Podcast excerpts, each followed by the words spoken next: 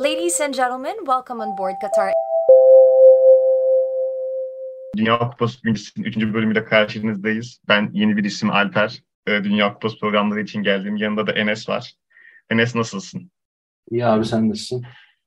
Teşekkür ederim ben de iyiyim. Açıkçası bu programda seninle yaptığımız çok iyi oldu. Çünkü Dünya Kupası'nın başladığından beri manyak gibi 8 bölüm hepsini de izlemişsin. Herhalde yani daha iyi bir partner bulamazdım şu an senden. Hemen e, dünkü maçlara da başlamak istiyorum. Önce bir. Senegal-Hollanda maçıyla başlayalım. Senegal'in biraz daha baskın olduğu bir oyun ama Hollanda'nın galip geldiği bir oyun oldu. E, dünkü maçları aslında biraz daha kısa geçip hemen bugünkü bombalarla ilerlemek istiyorum.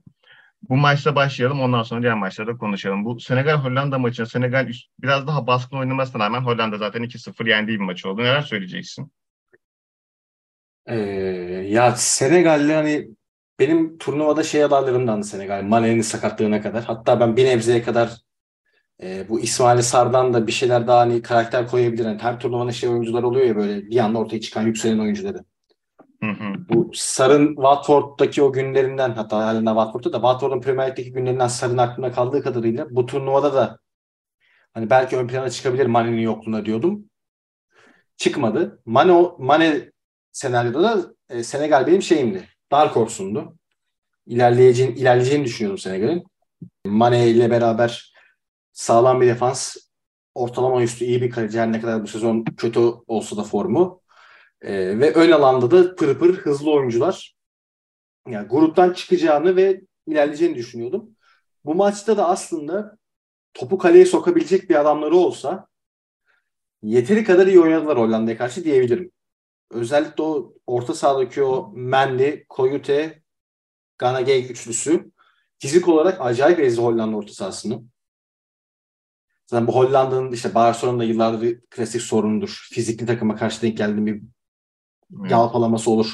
Kısa boylu bir- teknik oyuncularla beraber. Bir kısa bir şey ekleyeyim. Zaten genel turnuvalarda böyle hızlı kanatlar ve fizikli orta saha her zaman daha üstün olan taraftır yani. Özellikle Evet. turnuva oyunlarına, tek maçlarda büyük avantaj sağlar. Savunman da belli bir kalitenin üstündeyse ki Senegal'in öyle Kolibali var, Diallo var, Sabali var. Fena bir defans hattı da yok. Abi e, Senegal 80 dakika güzel güzel dövdü Hollanda'yı. Hollanda ileride hiçbir üretim sağlayamadı. Topu ne rahat bir şekilde defanstan çıkartabildiler. Her ne kadar defanstaki stoperler e, aşırı teknik olsa da ve orta sahada hani De Jong gibi, Berghuis gibi ayağı iyi adamlar olsa da o fiziksel güce karşı bir şey yapamadılar. E, topu çıkarma sebeplerinden en büyüklerinden biri de şuydu. Ön alanda topu tutacak adam yoktu. E, ileride birazcık Hı hı. duvar vardı. Topu gönderiyorlardı. Çok uzun süre geçmeden top bir daha kendi kalelerine bir şekilde geliyordu. Ya da orta sahaya kadar geliyordu. İleride top tutamıyorlardı hiçbir şekilde. Burada da işte kalite problemi var. E, Jansen, Bergwijn, Gakpo üçlüsü. Gakpo yine maçın açık ara en iyisiydi iki takımın içinde de. E, pozitif anlamda en çok katkı veren adam oydu. Jansen ya alakası yok. O ha- şu anda Jansen dediğimiz adam net bir ortalama Süper Lig'deki forvet gibi bir şeymiş yani. Onu gördük. Bergwijn de e, şeyden hatırladığımız, Tottenham hatırladığımız açık alan oyuncusu. Pır pır kanat. Ya bu pır pır kanatın aslında e, bu üçlü defansta forvet ikilisinden biri olduğu zaman da şeyde verim verebiliyor bu pır pır kanatlar. Sen de biliyorsun.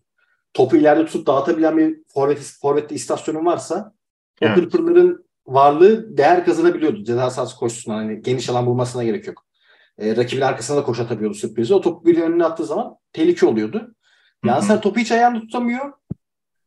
E, Gakpo bir nebze topu dağıtıyordu ön alanda. Otomatik olarak iş yavaş yavaş Senegal üstüne doğru gitti. 80'e doğru Senegal'in e, bu şey e, pili yavaş yavaş bitmeye başladığı sırada da Van Gaal oyuna şeyi attı. Klasen'i attı.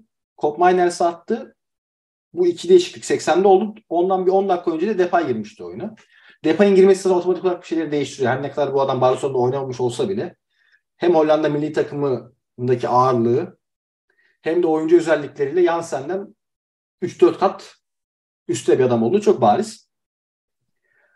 E, Depay'ın girmesiyle beraber Hollanda daha çok top tutmaya başladı. Yavaş yavaş oyunu yıkmaya başladı. O sırada Berghuis'le şey girdi oyuna. Kresen girdi dediğim gibi. Gakpo daha öne gitti. Kresen o ikisinin arkasına yerleşti. Defans önünde Kop Miners geldi. Topu daha iyi e, çıkartabilmeye başladılar kendi sahalarından. O sırada kalite devreye girdi. Frankie de Jong'un bir ortası Gakpo çıktı kafayı vurdu. Orada Mendy'nin bir e, hatası var. Boşa aç- açılıyor. Ondan sonraki pozisyonda da birkaç dakika sonra olması lazım. İlk gol 82-83 civarı geldi. 84'te gelmiş. Do- uzatmalarda da 96-9'da da yine bir Mendy hatası. Depay'ın cılız bir şutunu Klasen'in önüne doğru sektirdi. Bu bilmiyorum hatırlıyor musun? Türkiye Hollanda maçında bizi 6-0 yenmişlerdi ya. Orada da hı. Klasen elini kolunu sallayarak girip bize gol atmıştı. Evet. O rahatlıkla bu Senegal'in az önce övdüğüm defans hattının arasından geçti gitti. Mendy'den seken topu defans kontrpiyede kalmıştı çünkü. Topu kaleye soktu. Maçı öyle aldılar. Ya Senegal pratikte maçı aldı. Ama topu kaleye sokamadı abi. Yani Senegal'deki sıkıntı oydu. Yani net bir şekilde bu takımın aslında e, nasıl Afrika Kupası'nda ve Afrika'nın Dünya Kupası elemelerinde fark yarattığını bu maçta anlıyorsun. Mane'nin de bu takımın neden %50'si %60 olduğunu da bu maç üzerinde anlayabiliyorsun yani. Mane olsaydı hem Senegal'in turnuva olurdu. hikayesi büyük ihtimal farklı olurdu hem de bu maç çok farklı olurdu. Ve Hollanda Aynen. çok kötüydü yani. Hollanda'nın acilen bu sonradan gelen oyuncuları ilk 11'e atması gerekiyor. Çok sıkıcıydı. Benim beklediğimin 2-3 katı sıkıcılığındaydı yani. Klasik Hollanda'nın zaten o klasik geyik vardır ya işte Cruyff'tan sonraki Hollanda'nın iyiliği hep hücum oyuncuları üzerinden okunur. Evet. Bu 2010'da o zaten bitmişti. Artık yavaş yavaş defansa 2010 sonrasında defansif gücüyle ön plana çıkan bir Hollanda vardı. Bu ama onun için bile sıkıcıydı yani. Anladım. Ya maçı bayağı iyi özetlemiş oldun aslında.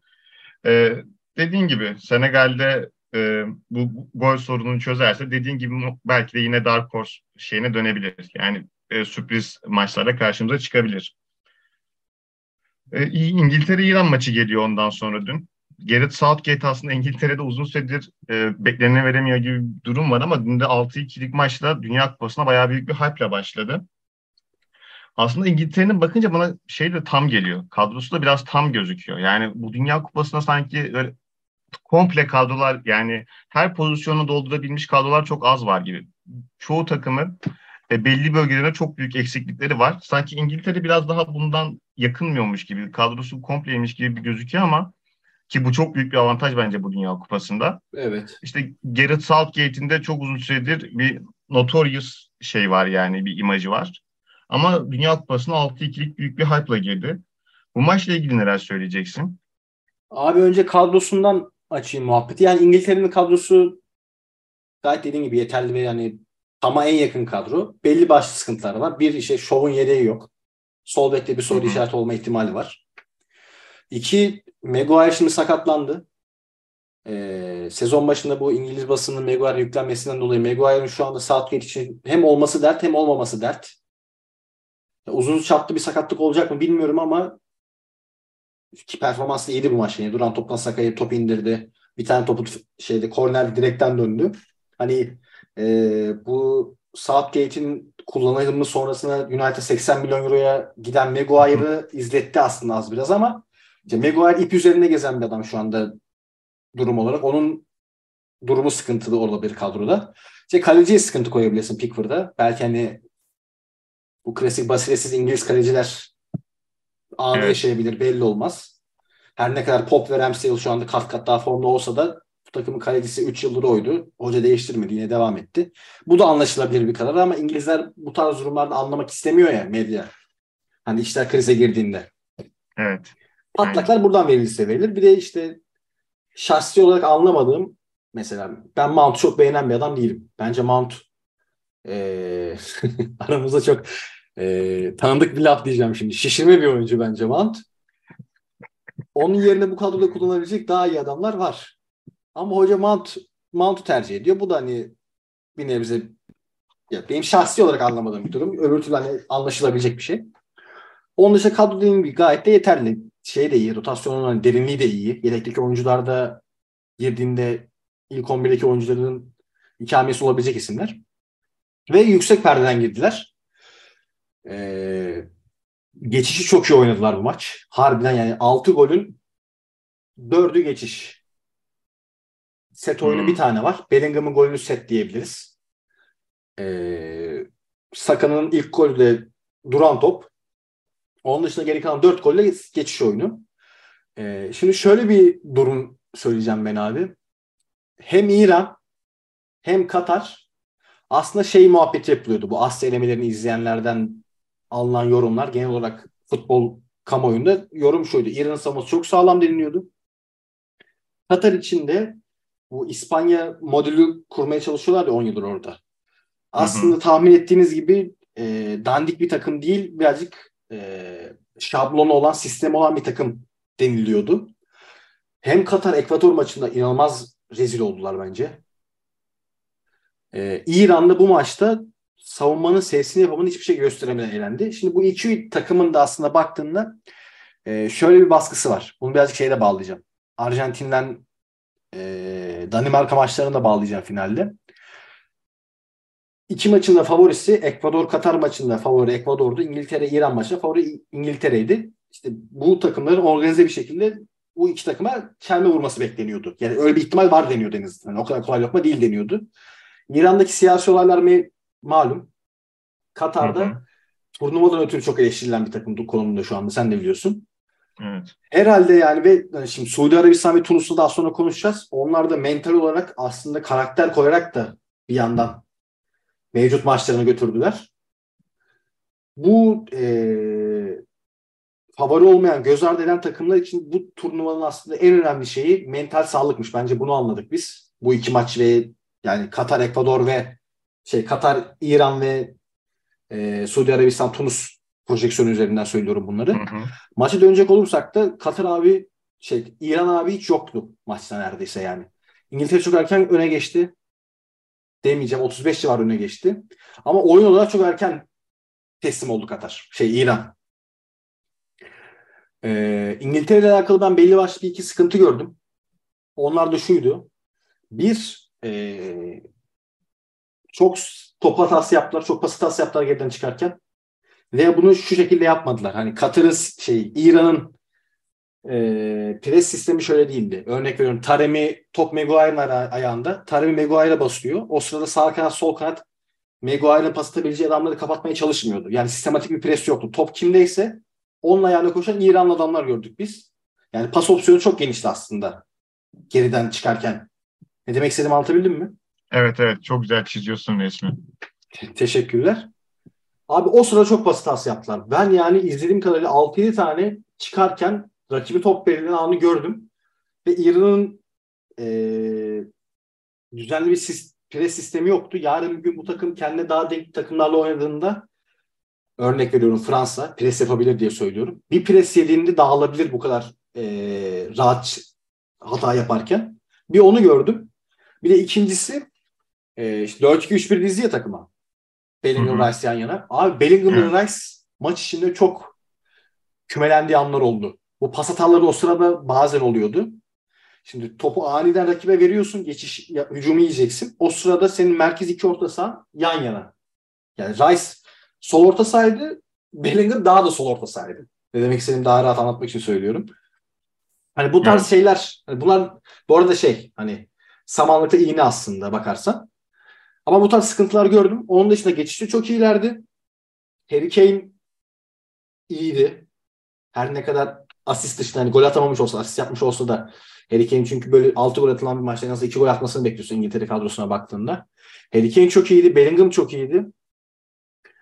Yani o 2 yıllık o şey sürecini atlatmış gibilerdi. Konferans ligindeki o dayak yiyen takım değildi yani bu takım. Ama abi İngiltere söz konusu olduğu zaman da her zaman bir konuşurken de hayal kurarken de şey yapman gerekiyor. Birazcık kendini dizginlemen gerekiyor. Evet. Yüksek kalibreden girdiler. Bakalım iyiler yani. Onu söyleyebilirim. Peki sana şöyle bir soru sorayım. Hani dedin ya pas hataları yapıyorlar. Presi görünce biraz afallıyorlar falan diye. Bu durumda sence yedeklerden mesela Arnold gibi bir tane yine ayakları iyi bir oyuncuları var ya da işte Manchester City görmüş. Calvin Phillips belki daha o seviyeye çıkamadı ama Phil Foden var örneğin yine. Tam olarak pres anında ayağıyla nasıl topu çıkaracağını bilen bir takımdan geliyor. E, bu tarz oyuncular e, İngiltere'nin bu sorununda biraz daha çözüm olabilirler mi? Ee, Şöyle söyleyeyim abi. Walker'ın olmaması belki sıkıntı diyebiliriz bu konuda. Yani Walker'ın kadroda olup aslında sakatlıktan yeni çıkmış olması, hazır olmaması. Calvin Phillips aynı şekilde daha City'de doğru düzgün ilk 11 başlamadı diye biliyorum. Öyle kalmış aklımda. Evet evet. Yani bir örnek olarak verdim ama bence de Evet. daha tam oturmamıştır. Şeye bağlayacağım hani Liverpool'a falan da Arnold'a da gireceğim. Foden'da e, Southgate ön üçlü de kullanıyor. Yani geriden oyun top çıkarma konusunda hani onunla çok katkı sağlayamaz. Arnold'da üçlü oynamadığı sürece atmaz sahaya. O da çok belli. Hı hı. Ya burada birazcık şey rahatlığı da olabilir. Şimdi İngiltere İran'ı yenecekti ya. Evet. Hani konsantrasyon sıkıntıları da yaşamış olabilirler. Anladım. O Tamam. açıdan yani daha net bir takımda, daha güçlü bir takıma karşı oynadıklarında bu tarz hataları daha az yapacaklarını düşünüyorum. Ki aslında benim beklentim de turnuvadan önce şeydi. E, İngiltere'nin üçlü oynamasıydı. Üçlü de oyun kurulumunda da daha rahatlıyorsun. E, geçişte daha rahat savunuyorsun. Belki büyük takımlarla karşı oynadıklarında üçlüye dönebilirler. Çünkü kadroya da bakıyorum. E, hem Trippier hem Shaw savunmada zafiyet verebilen bekler olduğu için üçlü daha rahat oynarlar. E, White'a bakıyorum. Üçlü de aslında şu an sağ stoper hani Walker'ın yokluğunda sağ stoperi net oynayabilecek bir adam. Çünkü net stoper şu anda ne bek ikisini oynayabiliyor. O arada kalmışlığı İngiltere'nin işine yarıyor. Walker da o şekilde kullanıyordu biliyorsun. Stoper oynuyordu ama evet. bek stoper arası bir ara mevki yapmıştı onun için. Arnold var. E, problemli çocuğu bu takımın defansının savunma hatalarında e, onun ofansif gücünü kullandığını örneğin Trippier zaman zaman sola atıyor ya. Evet. Şov örnek veriyorum. Yine salak saçma hatalar yapmaya başladı. Trippier'i sola atıp Arnold'u sağ atıp o ikisinin ofansif gücünü de kullanabilip geride üçlü bir stoperle onları da önlerine bir Rice duvarı. Hani onların defansif zafiyetlerini de kapatabilirler bu tarz durumda ama Southgate dörtlü başladıysa dörtlü gider gibi de geliyor bana bir yandan. Onu da söyleyeyim. Bu yani majör bir sıkıntı değildi bu maç üzerinde ama problem olamayacaksa İngiltere bir problem yaşanacaksa saha içinde bunun üzerinden yaşarlar gibi geliyor bana. Öyle diyeyim sana. Anladım. Tamamdır. O zaman günün son maçına geçelim ama bütün maçları bu kadar uzun konuşursak yetiştiremeyebiliriz. Bu maçı biraz daha hızlıca alırsak, bugün de de çünkü menüde güzel maçlar vardı. Ee, ABD Galler maçından e, devam edelim. Yine ilk, ilk yarıda zaten ABD'nin daha üstün olduğu bir oyun vardı. İkinci yarıda Galler'in son dakikalara doğru beraberliği tamamladığı, e, beraberliği yakaladığı bir maç oldu. Neler söyleyeceksin bu maçla ilgili? Ee, abi Amerika iyi oynadı. İlk yarı harbiden iyi oynadılar. Ee, ve Senegal için söylediğimi de söylüyorum. Topu kaleye sokmayı bilen bir adamları olsaydı bir iki tane daha atabilirlerdi. Öyle söyleyeyim. Orta sahaları güçlüymüş. Ya güçlü bir orta saha kurmuşlar. McKennie, Adams, Musa. Hani isim olarak değil de oyun olarak da güçlü bir üçlü kurmuşlar. Önlerinde Pulisic veya Pırpır kanatlar yine. Surgeon bir tek sırıttı. Desti Hı hı. savunma sıkıntıları ön plana çok çıktı. Onun dışında el ayağı düzgün bir takım görüntüsü verdi. İkinci yarıda Veyahut da güzel sarktı arkaya. Pulisic iyi bıraktı önüne. Öyle golü attılar bir şekilde. Galler'de bildiğimiz Galler. Hiçbir şey değişmemiş. Halinden Ramsey ile Bale'ın ayağına bakıyorlar. Çok net bir şekilde belli. Her ne kadar isim olarak baktığında yine Premier Lig ve İngiliz futbolunun hani duyulmuş isimleri olsa da Ampodu'dur, Ben Davis'tir, Joe Rodden'dır falan o tarz. Nico Williams, Daniel James hani bilindik adamlar olsa da oyun o kadar kuvvetli değildi. Evet. E, İkinci yarı Moore attılar oyuna. Bu geriden çıkma problemini şöyle çözdüler. Moore'a uzun vuruyorlardı. Moore indirip topu tutuyordu. Onun dışında işte Bale'dır, e, Ramsey'dir ön alana çıkmaya başlıyordu. Topu yavaş yavaş öyle yıkmaya başladılar. Bunu yaparken de Amerika'nın hem Musa sakatlanıp çıktı hem McKennie sakatlanıp çıktı. E, bu ikisi yaşandıktan sonra bütün orta saha, orta sahanın üç adamın ikisi çıktı. Bütün yapıyı baştan kurdular aslında. Yani orta sahanın e, o güçlü yanları da ortadan kalkmaya başladı. Galler de o sırada topu karşı tarafa iyi yıkmaya başladı. Yani son 15 dakikayı Galler bayağı iyi oynadı. Bu 9 dakika yine uçuk uzatmaları görmeye başladık ya bu turnuvada. Evet. 82'de penaltı oldu, golü attı. Ondan sonra bir 90'a kadar bir daha bir zorladı, hafif zorladı. 90'dan sonra da beraberliğe razı olmaya başladı. Öyle söyleyeyim. Anladım. Tamamdır. O zaman bugün evet e, çünkü daha güzel maçlar da bekliyor önümüzde. Başka gündemler de bekliyor. E, günün en büyük fiyaskosu diyeyim. Aynı zamanda günün en büyük gündemi de Arjantin-Suudi Arabistan maçı. Aslında fiyasko şimdi bakınca yani ya da maçtan önce bakınca denebilir böyle bir sonuç için ama Suudi Arabistan gerçekten iyi top oynadı. Yani teknik tekrar adını doğru söylüyorum. Erve Örenat e, şey yaptı.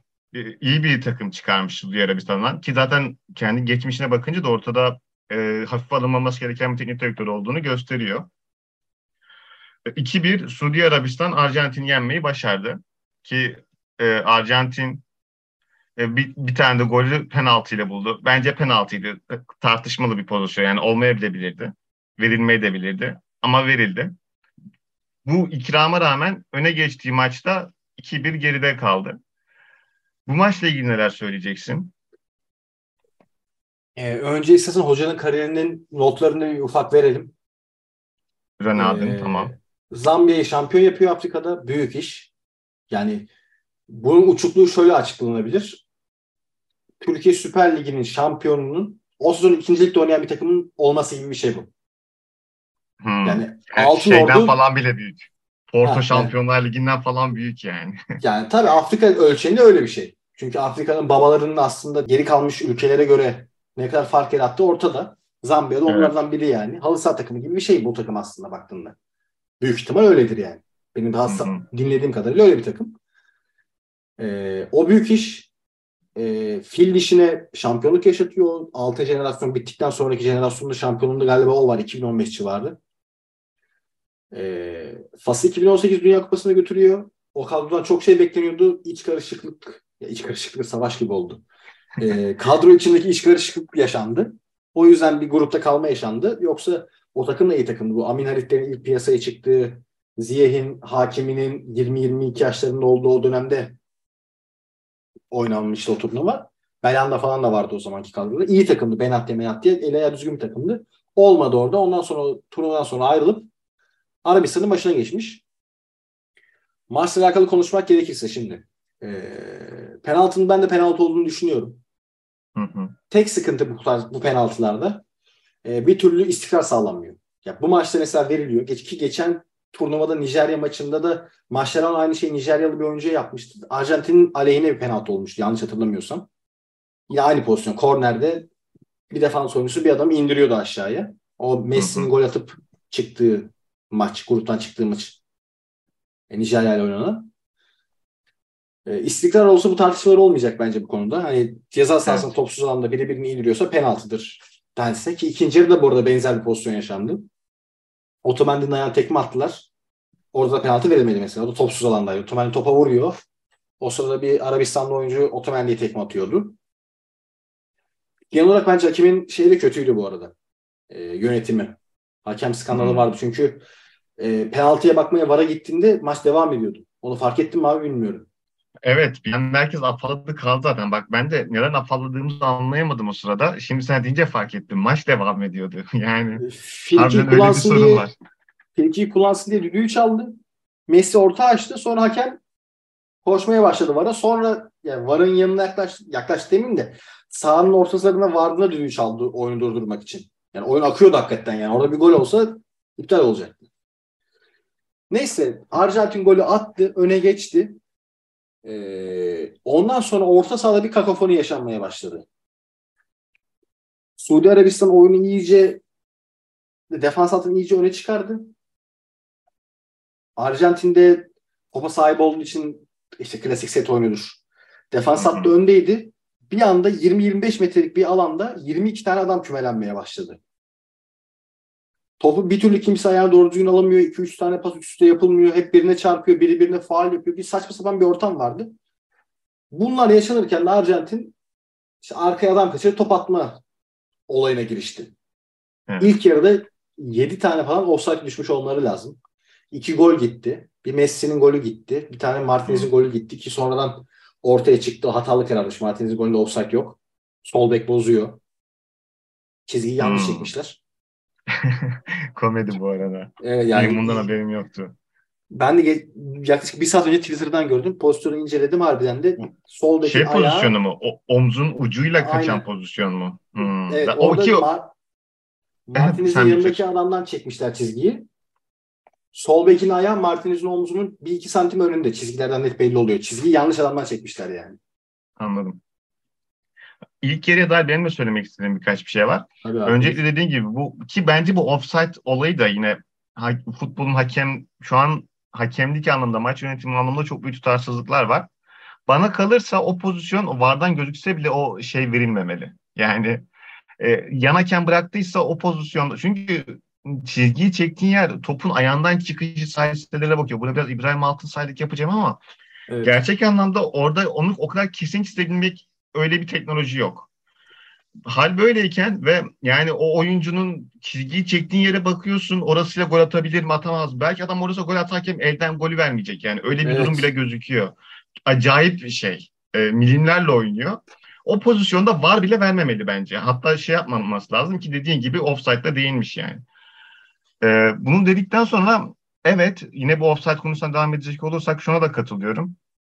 E, Suudi Arabistan işte e, hattı çok gü- güzel çekiyordu vesaire ama Arjantin'in gerçekten çok sorumsuz davrandığı pozisyonlar da vardı. Yani bazen Di Maria, Lautaro Martinez falan o kadar alakasız yerlerde bekliyorlardı ki ben dedim maçı izlerken anlamadım. Topu alıyor bir de üstüne koşuyor. Abi utan da koşmayı bırak bari.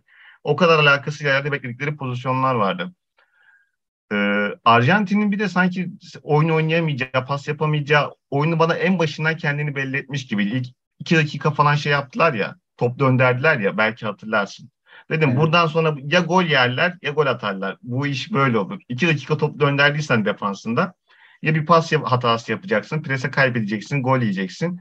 Ya da bir anda bir mucize yapacaksın. Bir bakmış top rakip yarısan şey defansın arkasında bitecek. Ki böyle oldu. Böyle olunca acaba Arjantin cidden oynayacak mı dedim. 10. dakikadan sonra golü bulduktan sonra Suudi Arabistan bayağı kendine geldi zaten. Dedikten sonra ikinci yarıda zaten işler e, koptu. Bambaşka bir yani beklemediğimiz bir sonuca evrildi. Devamı için neler söyleyeceksin? Ya abi hoca yani Arabistan'ın hocası Her Renard belli ki abi kanın kokusunu almış devrede. Yani bu Arjantin saçmalıyor.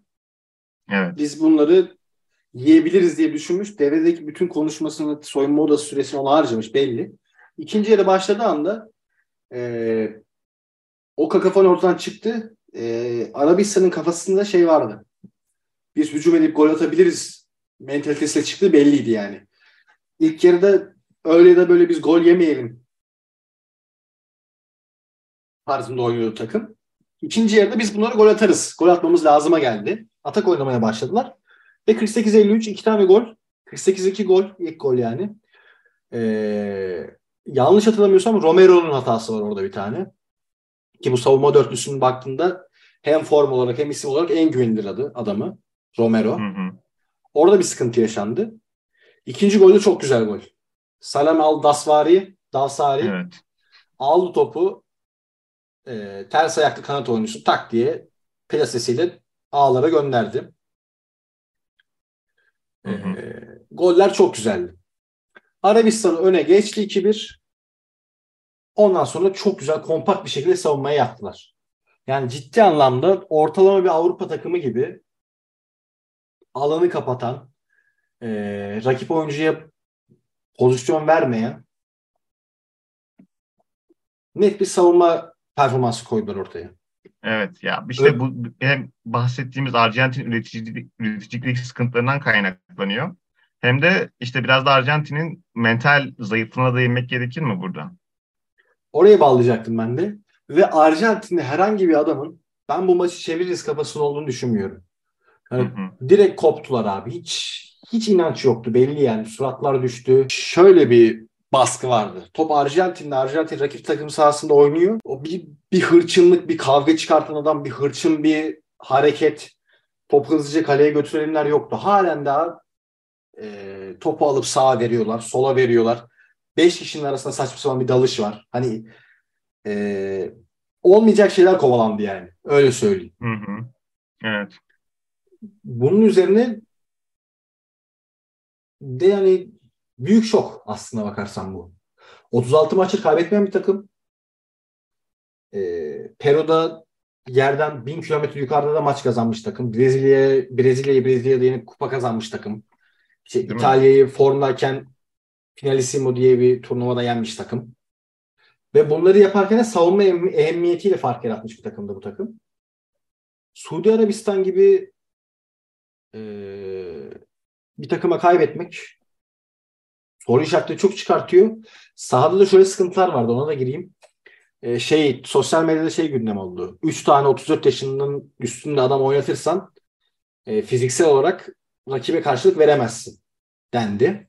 İşte Papu Gomez, Di Maria, Messi, Otamendi. E, Papu Gomez kötüydü. Bek takibi yoktu adamın. Doğru düzgün. Net bir şekilde yani.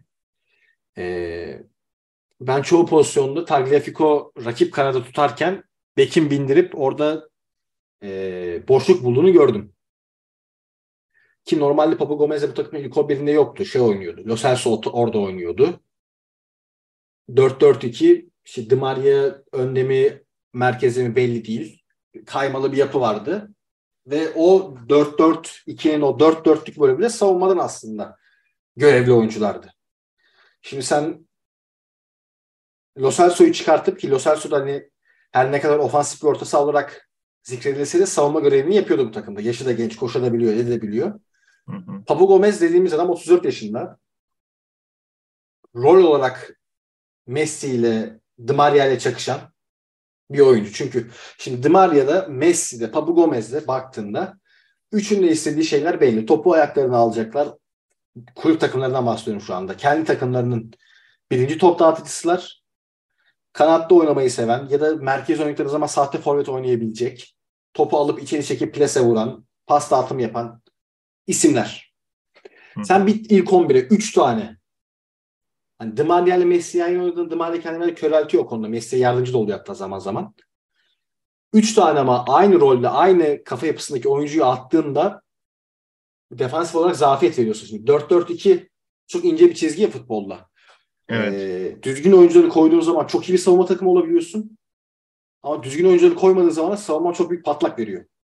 Hı hı. İşte Papu Gomez, Di Maria'nın kanat oynadığı ve merkeze de Lautaro, Lionel Messi ikilisinin olduğu bu 4-4-2 savunmada zafiyet veren 4-4-2'lerden oldu. Büyük Ben ihtimal de burada tam olarak şunu söyleyecektim. Abi şimdi bu takım belli ki oyun kuramıyor. Yani oyun kurabilen bir orta sahası yok. İyi pas yapamıyor. Ne savunmadan kurabiliyor ne orta sahadan yapabiliyor. ki E dediğin- e, son 36 maçtır kazanırken kazanırken de aslında bir set oyunu yoktu. Yani savunmada Hı hı. sağlam durup öndeki adamlar gidiyor geçişte ya da bir yani mucize değil mucize şimdi yanlış anlaşılır. Bir sihir gösterip topu kaleye sokuyordu. Evet. Aynen yani- öyle. Bu aslında milli takımlarda kötü bir şey değil, iyi bir şey. Son 5 büyük şampiyonun 3'üne 4'üne baktığında savunma oyunuyla şampiyon olmuş takımlar var. O yüzden de artı yazan bir şey. Topu sana geri atayım abi buyur. Aynen öyle. E şimdi dediğin gibi ben de tam olarak bunu söyleyecektim. Yani önde pres gücün de yok adam akıllı. Messi zaten yapmıyor. Onun dışında e, Di Maria dediğin gibi belli bir artık yaşa da geldi. E, on, yani Papu Gomez dedin, oyuncuların karakterinden vesaire bahsettin. Bu takım şimdi gol konusunda bir sıkıntısı var. Ne sete yerleşebiliyor ne pasla çıkabiliyor ne de e, doğru düzgün bir pres gücüne sahip ön tarafta. Yani nasıl aşabilir sence bu sorunu? Ben düşündüm yani belki dışarıda Julian Alvarez var. iyi bir önde presçi ama Lautaro Martinez'le beraber ya da orada Messi varken, Di Maria varken dengeyi nasıl kuracaksın? Yani aslında Arjantin'i sürekli Dünya Kupası'ndan önce de kupanın favorilerinden olarak gösteriliyor. Messi'nin artık e, Dünya Kupası'nda sihrini yapması bekleniyor. Ki 2014'te yaptı ama yeterli olmadı. Higuain sağ olsun. Ama artık kazanması bekleniyor. Arjantin'in kazanması isteniyor da. Favori de gösterildi birçok yerde. Ama ortadaki kadroya bakınca bence acayip uyumsuz ve gerçekten bir çıkış yolda gözükmüyor. Yani bu konu hakkında neler söyleyeceksin? Abi güzel soru sordun. Şimdi bu kadrodan pres yapan bir takım nasıl çıkartabiliriz? Şöyle şimdi pres yapabilen bir takım kurmak için kadroyu gençleştirmen gerekiyor. Ön alanı gençleştirmen gerekiyor. Orta sahanı sağlam tutman gerekiyor.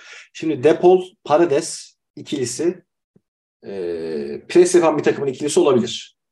4-3 diyeceğim takımı. O 4-3'ün orta sahasındaki iki adam olabilir. Papu Gomez'e Di Maria'yı yere kulübesine attığını düşün. Martinez merkezde, Messi sağda. E, Alvarez'i sola atarak mer- orta sahaya da McAllister ya da işte Ezekiel Palacios pardon e, e, McAllister ve e, Enzo Fernandez'di galiba yanlış hatırlamıyorsam. Aynen Enzo Fernandez, Ezekiel Palacios da olur. Guido Rodriguez e, Betis'te iyi bir sezon geçiriyor. Burada Chelsea'de adı anılmaya başladı Kante yerine. İşte bu tarz adamlar orta sahaya atarak belli oranda pres yapan bir takım kurabilirsin. Ee, bu Arjantin topu alıp sete oynayamama problemiyle alakalı ben şunu söyleyeyim. Ee, aslında bu Arjantin problemi değil abi. Arjantin bunu amaçlamıyordu bugüne kadar. Şimdi Arjantin'in projeksiyon çizelim bir daha. Fransa'yla, İngiltere'yle, Hollanda'yla bile, İspanya'yla, Brezilya'yla oynadığı maçlarda e, takımın kadrolarına baktığında topu Arjantin rakibe kitleyecek dersin. İşte bu dediğim geçiş kontra milli takımlarda bu işe yarıyor savunmayı sağlam tuttuğunda evet. yayına getiriyorum. E, o tarz maçları bu şekilde bir tehdit oluşturabilecek bir takım aslında. Sette ciddi sıkıntıları var çünkü e, az önce söylediğim gibi Di Maria, Messi, Papu Gomez hatta Lautaro'yu da sayarsın. O da çünkü orta saha özellikle bir hücumcu aslında bakarsan teknik kapasitesi yüksek topu ayağında isteyen o da kendi bir takımının e, hücumdaki birinci dağıtıcısı. Evet. Barella ile Barella'yı belki bir dersin, ikinci dağıtıcısı dersin en fazla. Ee, öyle lan bu kadar birbirinin ayağına bastığı denklemde ya şimdi Messi topu aldı. Papu Gomez arkaya koşu bir kere atar, iki kere atar, üçüncüsü de ciğeri yetmez. Di Maria hı hı. E, bir kere atar, iki kere atar.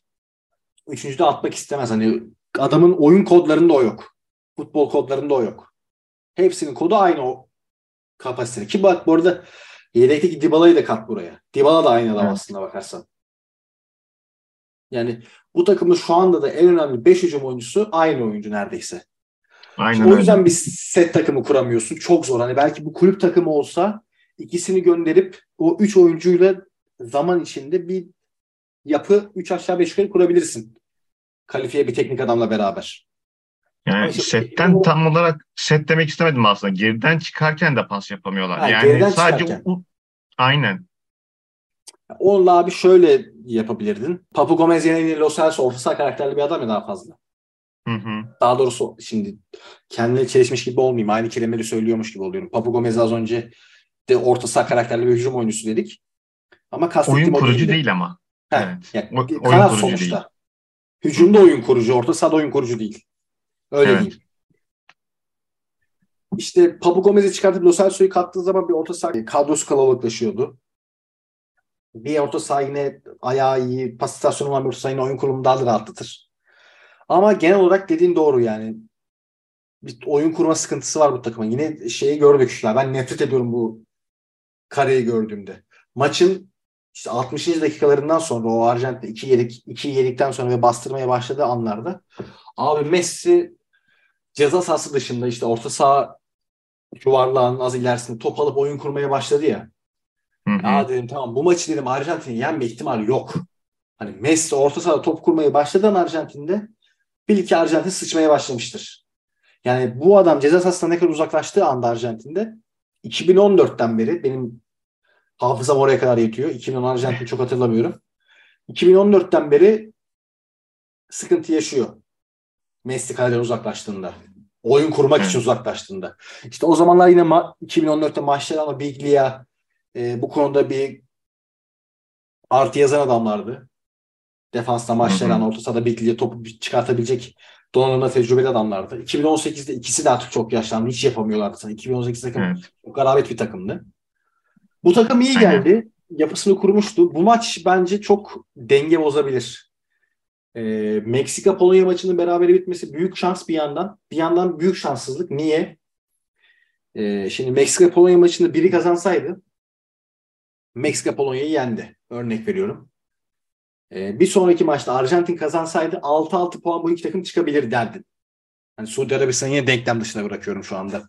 Polonya'dan Meksika'dan puan kazanabileceği ni öngörmeyerek söylüyorum. Hı-hı. Belki bir sürprizdi çünkü.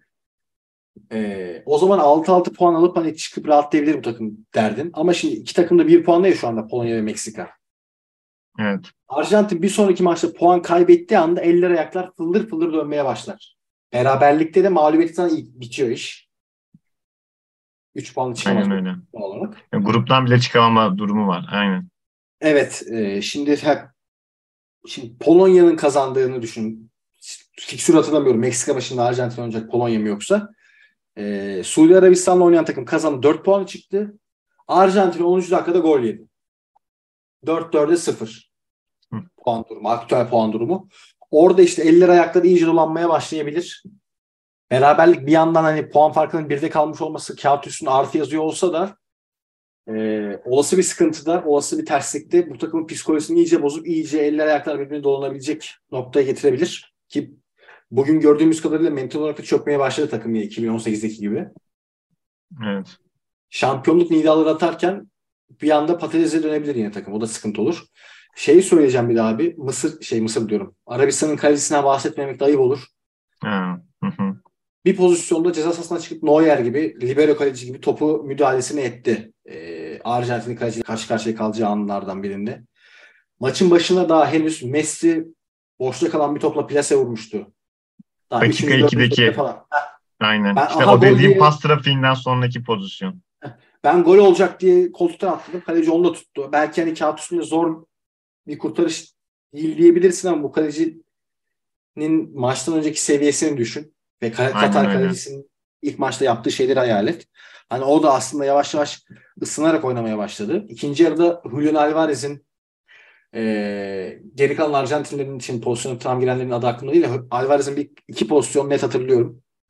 İyi kurtarışlar yaptı. Messi'ye karşı iyi kurtarışlar yaptı. Bir tane kendi takım arkadaşını öldürüyordu az kalsın bu pozisyonda. Hı. Ona rağmen oyuna döndü. Hani çok konsantre etti. Zaten Arabistan inanılmaz kolektiflik, birbirine bağlı bir yapı. Hani düzenli bir takımdı ve 5 numara da bence e, her ne kadar şimdi Sofa Soccer var önünde reytingi düşük ama saha içinde mesela o da maça karakter koyan adamlardan biriydi. Gitti trash Evet. talk yaptı resmen.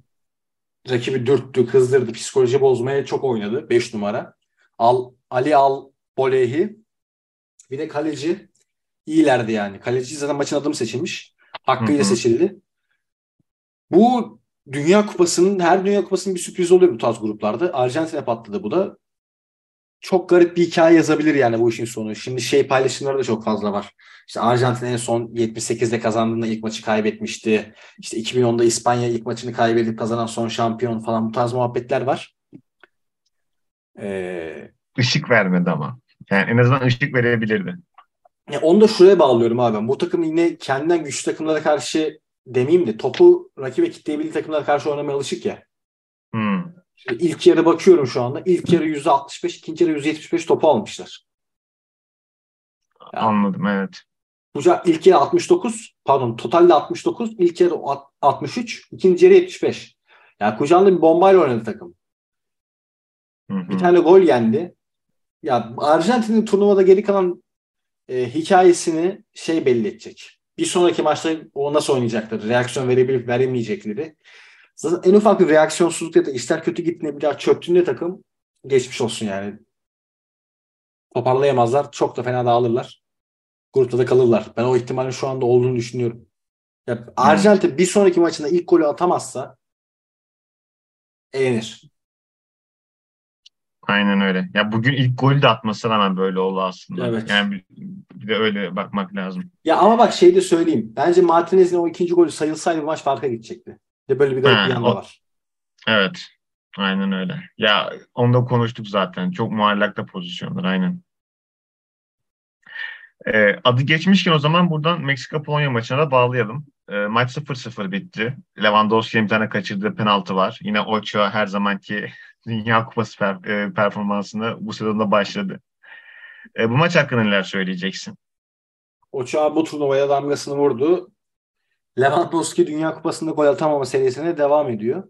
Aynen öyle. Ya benim herhalde Dünya Kupalarında izlediğim öyle ya da böyle en basiretsiz takım Polonya olabilir ya. Ya şimdi geçmiş turnuvalardaki kadrolarını da hatırlıyorum. İşte Evet. Krychowian, Glikin genç olduğu, Lewandowski'nin zirvesinde olduğu, işte kalede Şezni var. Hep aslında çekirdeği Zielinski'ni orada öyle ya da böyle 5 yıldır piyasada olan bir adam. Aynı şekilde Milik. Ee, baktığında iyi bir kadro var diyorsun. Hı hı. Her zaman diyorsun. Beklenti de hep yüksek olur zaten Evet. Polonya'dan ama yine her seferinde çöken takımlardan. İşte Bil- Bileşkovskiler falan vardı o sırada. Mi? Dortmund'un bir iki defans oyuncusu daha vardı Polonyalı. Adını unuttum adamın fotoğrafı. Pisçek, Pisçek. He. Evet. Pisçek. Hani iyi bir kadro her zaman vardı bu takımda. Ama hiçbir şekilde olmuyor. Bu maçta da olmadı. Yani çoğuna göre bence değil ama çoğuna göre son 10 yıldaki Avrupa'nın en iyi forveti bu takımlardaydı. Ama Dünya Kupası'nda gol atamadı. Öyle ya da böyle. Bu maçta da o penaltıyı kaçıracak o basiretsizlik devam etmeye başladı. Öbür taraftan Meksika bana keyif verdi yani cidden e, bu klasik Güney Amerika futbolu var ya ona yakın bir top oynadılar. Tempolulardı. Lozano inanılmaz iyiydi bence. Her ne kadar baktığında gol atamadı ya da skoru etki edemedi bir şekilde top kaleye sokamadılar ama Lozano şeyi gördüm Lozano'da. E, bu takımı sırtlamaya çalıştığını gördüm. Ya, Dünya Kupalarında bu tarz ön plana çıkıyor. Bir oyuncunun takımı sırtlaması. Dünya Kupası hikayeleri hep bu çerçevede çizilir, anlatılır. Zidane'lar, R9'lar, Maradona'lar, P'ler Evet. vesaire vesaire. İşte Lozano'da Meksika'da bu takım ben sırtlamaya çalış, çalışayımı gösterdi. Yani o hırsı vardı. Ochoa zaten her şekilde bir tur, turnuva damgasını vuruyor. Takım tempoluydu. iyi güzel oynadılar. İşte orada da şey sıkıntısı var. Chicarito küçük bezelye. Havasında büyük bezelye. Ee, işte o turnuvaya alınmadı. Hocayla tartıştı etti. Vela gitti. Yani aslında bu takımın son 10 yıldaki iki büyük simgesi bu takıma kadroya alınmadı. Ve artık yani bitti adamlar aslında. 35'ini gelmiş olmaları lazım onların da. Ee, Raul Jimenez, David Luiz'le yaşadığı talihsiz sakatlıktan beri, kafası yarıldığından, çatladığından beri bir türlü dikiş tutamayan bir adam. Hı hı, evet. Aynı aynı sıkıntı şeyde de var. Bu Senegal dediğim sıkıntı. Ee, Hollanda'da dediğim sıkıntı. Topu kaleye Dünya adamları, futbolunun sıkıntısı şu an. Evet. Yani ve bu Dünya Kupası'nda gözüküyor. topu kaleye sokan adam yok. Yani Aynen öyle. takım tempolu oynuyor ediyor. Şimdi kulüp takımlarında bu dediğin doğru bu arada. Santrafor az, azından bahsediyoruz. İşte Haaland'dan bahsediyorsun. Lewandowski'den bahsediyorsun. Şu an üst seviyede ikinci bir forvet yok. Hani Benzema bile aslında klasik santrafor değil. Evet. Ve o da gelmedi. Ha, bağlantı santraforu. Ee, bu klasik 9 numara yok. İşte Suarez Muarez vardı ki onlar da aslında bağlantısı Suarez'in başka seviyedeydi. Ona da bir klasik 9 diyemezsin. Hı hı. Ee, kulüp takımlarında e, tekrarla sürekli aynı oyuncu grubun birlikte oynamasıyla artık analizlerin edebiyattan matematiğe dönmesiyle diyeyim. Evet. Sanattan matematiğe dönmesiyle e, işte 9 numaranın olmaması, 10 numaranın olmaması artık şey olmaya başladı. Sıkıntı olmamaya başladı kulüp takımlarında. Ama milli takımda bunu görmüyorsun. Adamlar yılda toplasan 5 maç 6 maç oynuyor. Burada şey geçerli. Atanın tutanın iyi olacak mentalitesi Evet. geçerli burada. Milli takımda hala o klişe geçerli. Tutanları iyiydi. O yüzden beraberliği kurtardılar. İşte bir tane topu kaleye sokabilecek adamları olsa Forvet'te bu maçı alırlardı Hı. büyük ihtimal. Öyle diyeyim. Evet. Ya bu arada Lewandowski'nin kullandığı penaltı bilmiyorum. Ben izlerken de dedim ki nereye atacağı falan çok belli. Asla Lewandowski'ye yakışmayacak bir penaltı ya. Topa hareketlenişi, vuruşu. Mesela Messi e, kullandığı Çok- penaltıda çok güzel yanıttı kaleciyi. Çok rahattı Yani- bir de yani. Messi'deki rahatlık Lewandowski'de yoktu. Onu çünkü hissediyorsun. Bir yandan da ben şimdi şeyde düşünüyorum. Lewandowski'nin şu anda Barcelona'daki hallerini de düşünüyorum. Şimdi Bayern Münih'teyken bu adam her büyük maçta takır tukur gol atıyordu. Hı hı. Barcelona bu yıl 4 tane büyük maçı çıktı. 2 Inter, şey 6 5 tane büyük maçı çıktı. 2 Inter, 2 Bayern, bir Real Madrid. Ee, Inter maçlarının birinde şimdi yalan olmasın. Ağırlık koyup gol attı. E, maçı berabere geldi. No- Nou Camp'taki maçı. 3 bitmesinin sebebi Lewandowski'nin ağırlık koymasıydı. Ama geri kalan 5 maçta şey 4 maçta Bayern maçı özellikle Hı hı. Rezaletti o maçta. O maç onun yüzünden kaybedildi. Deplasmandaki Bayern maçı. Geri kalan maçlarda da ortada yoktu. Silindi sahada. Evet. Ee, Barcelona küçük takımlara karşı oynadığı maçlarda yine ortaya çıkıyor. Şimdi şeyi düşünmeye başladım. Lewandowski acaba mental olarak bizim düşündüğümüz kadar güçlü bir adam değil mi? Hani o Bayern Münih'in o dominantlı, o kusursuzluğu içerisinde e, performans verip mental olarak hı. ağırlık koyması gerektiği her yerde bu adam şimdi öyle de böyle patlıyor ya. Evet. Polonya'da. Bu takımın sırtlayacak işte şeye getiriyorum. Şimdi Lozano için söylediğim lafı söylüyorum. Milli takımlarda bir oyuncunun sırtlaması önemlidir de getiriyorum. Hı. Lewandowski bir türlü sırtlayamıyor ya bu takımı. Ve Barcelona gibi şu anda aslında e, çaptan düşmüş bir kadroda da ağırlık koyması, takım sırtlaması bekleniyor. Orada da büyük maçlarda silindi gitti. Acaba mental olarak bizim düşündüğümüz, algıladığımız kadar kuvvetli bir adam değil miyi düşünüyorum ben. E çünkü Evet. bu adamın penaltıda ayağı titremesi normal değil Değil mi? bence. Yani bildi, dediğin gibi dünyanın en iyi santraforundan biri gösteriliyor. Mesela Agüero'yu biliyoruz. Agüero direkt penaltı kullanamazdı. Yani o yüzden atamazdı. Yine aynı klasmanda hep o tartışmanın içinde olduğu da o yüzden söylüyorum. Ya ama işte Agüero'nun kariyerindeki şey var. E, 93 Büyük 20'si goller var. var. Evet yani.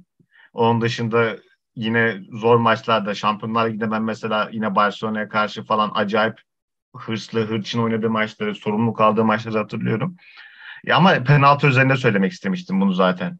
Yani e, atamıyor. Adamın atamadığını biliyoruz ama Lewandowski'nin penaltı anlamında zayıf bir oyuncu olmadığını da biliyoruz. Burada yine bir tane bir şey geçti. Dediğin gibi genel şeyde çok güven vermiyor zaten. Mental anlamda zayıf olduğu çok belli. Yani e, bugünkü maç üzerine diyorum. Genel olarak dediğinde de e, ta- tartışmaya açık bir konu. Ben de olabilir diyorum zaten. Hani ben, öyleymiş gibi vermeye başladı bana sinyallerini. Aynen. Çünkü hani Bayern Ondan- bu adam 10 yıldır Bayern'de ve Bayern çok kusursuz bir yapı ya. Evet.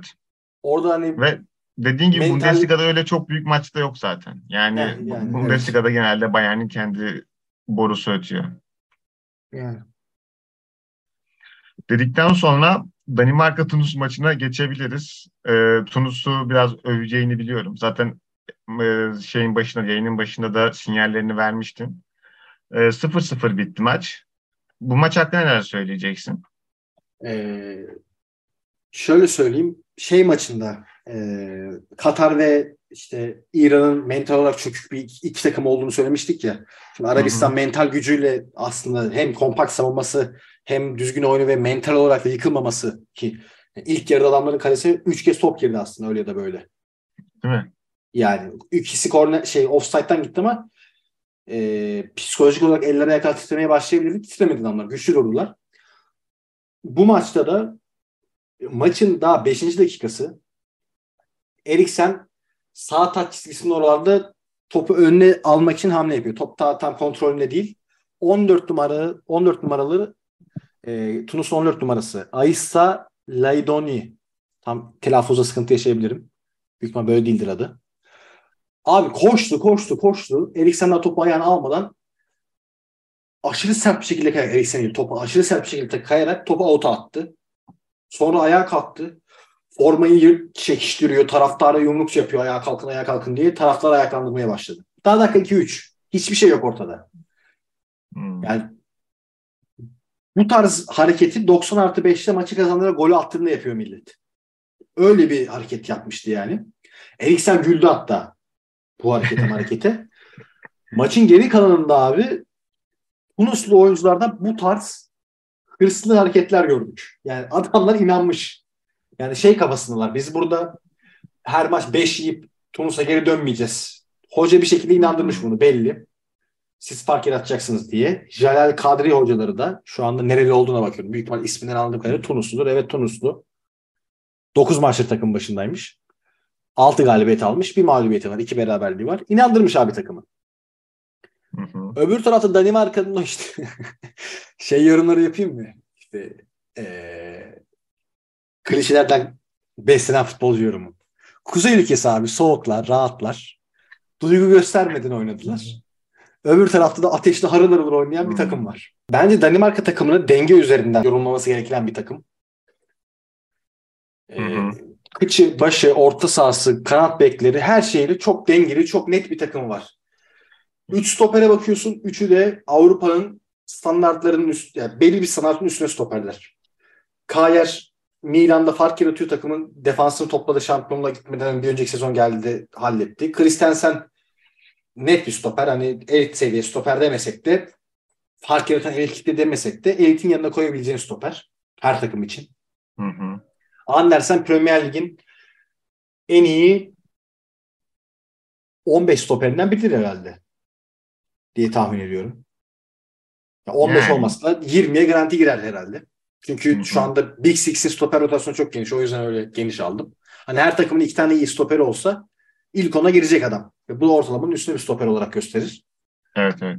Beklere bakıyorsun işte Mehle, Christensen. Biri Premier Lig'de oynuyor şeyden geldi. Ee, Salzburg'dan geldi. Genç. Salzburg'da oynamış bir adam ve şu an Leeds'e geldi. Bu demek oluyor ki temposu yüksek bir adam.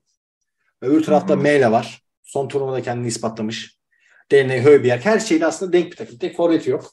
Ki bence de aslında Eriksen'i sahte forvet oynatsalar bir tarafa Skov olsa öbür tarafa Damsgaard atsalar daha iyi 3-4-3'te daha iyi oynayabileceklerini düşünüyorum ben ama ısrarla forvet atıyorlar sahaya. Hmm. Neyse maçla alakalı konuşmaya devam edeyim. Harıl harıl ya bir Tunus'un karşısında dengeli bir Danimarka vardı. Abi iki tarafta maçı kazanacak pozisyonlara girdi. İki, iki tarafın da kalecisi fark yarattı. Bir tarafta da e, Tunus'un yine çok hırslı oyuncularından biri İslam Jebali, forvet 9 numara. Az biraz topu kaleye sokmayı çok kullandım bu lafı biliyorum ama adam topu alıyor abi 60 metre 70 metre orta sahadan başlıyor koşmaya şeye açık alan. Geçiş yakalamışlar, kontrol yakalamışlar. Hı hı. Sürüyor, sürüyor, sürüyor ceza sahasında topa basıp duruyor. Yani artık yani topa vurması gerektiği anlarda ne yapacağını bilmiyor adam. Öyle söyleyeyim. Bu tarz sıkıntıları çok yaşadı e, Tunus. Hani bu klasik Kuzey Afrika takımlarında böyle bir tane mutlaka bir yıldız olur ya öyle ya da böyle. Evet. Avrupa'da belli seviyenin üstünde takıma işte Aynen. etrafında kurdun. Tunus'ta o yok. Onun sıkıntısını yok. yaşadılar. Ee, ama onun dışında ben şeyi özellikle burada çok beğendim. Onu da söyleyeyim. Sen de dikkat edersin eğer izlersen Tunus'u. Stoperleri çok iyi oyun kuruyor abi. Çok sakinler. Hı hı. Hiç yani Danimarka pres yapmaya çalıştı. İki takım da üçlü oynuyor bu arada. E, 3-4-3'e karşılık 3-5-2 hani şey eşleşmeleri de birebir var. Pres eşleşmeleri de birebir oturuyor şu an iki takımında. Her stopere bir atak oyuncusu pres yapabilir yani. Ama ona rağmen abi çok rahat, çok üst seviyede bir oyun kurulumu gördüğümü hatırlıyorum. Net öyle kaldı aklımda. Ee, Trabzon'dan şeye giden, Kopenhag'a giden Cornelius. Heh. Cornelius'un çok net kaçırdığı bir pozisyon var. İki taraf da kazanabilirdi. Maçın hakkı beraberlikti bence ama yani maç bittiğinde şey kaybetse çok üzülürdüm. Tunus kaybetse çok üzülürdüm Tunus. ki iki tarafının sayılmayan bir golü vardı yani. Tunus e, grup sonunculuğuna yazılıyordu Avustralya, Fransa, Danimarka üçlüsü arasında. Genel yorumlar o yöndeydi.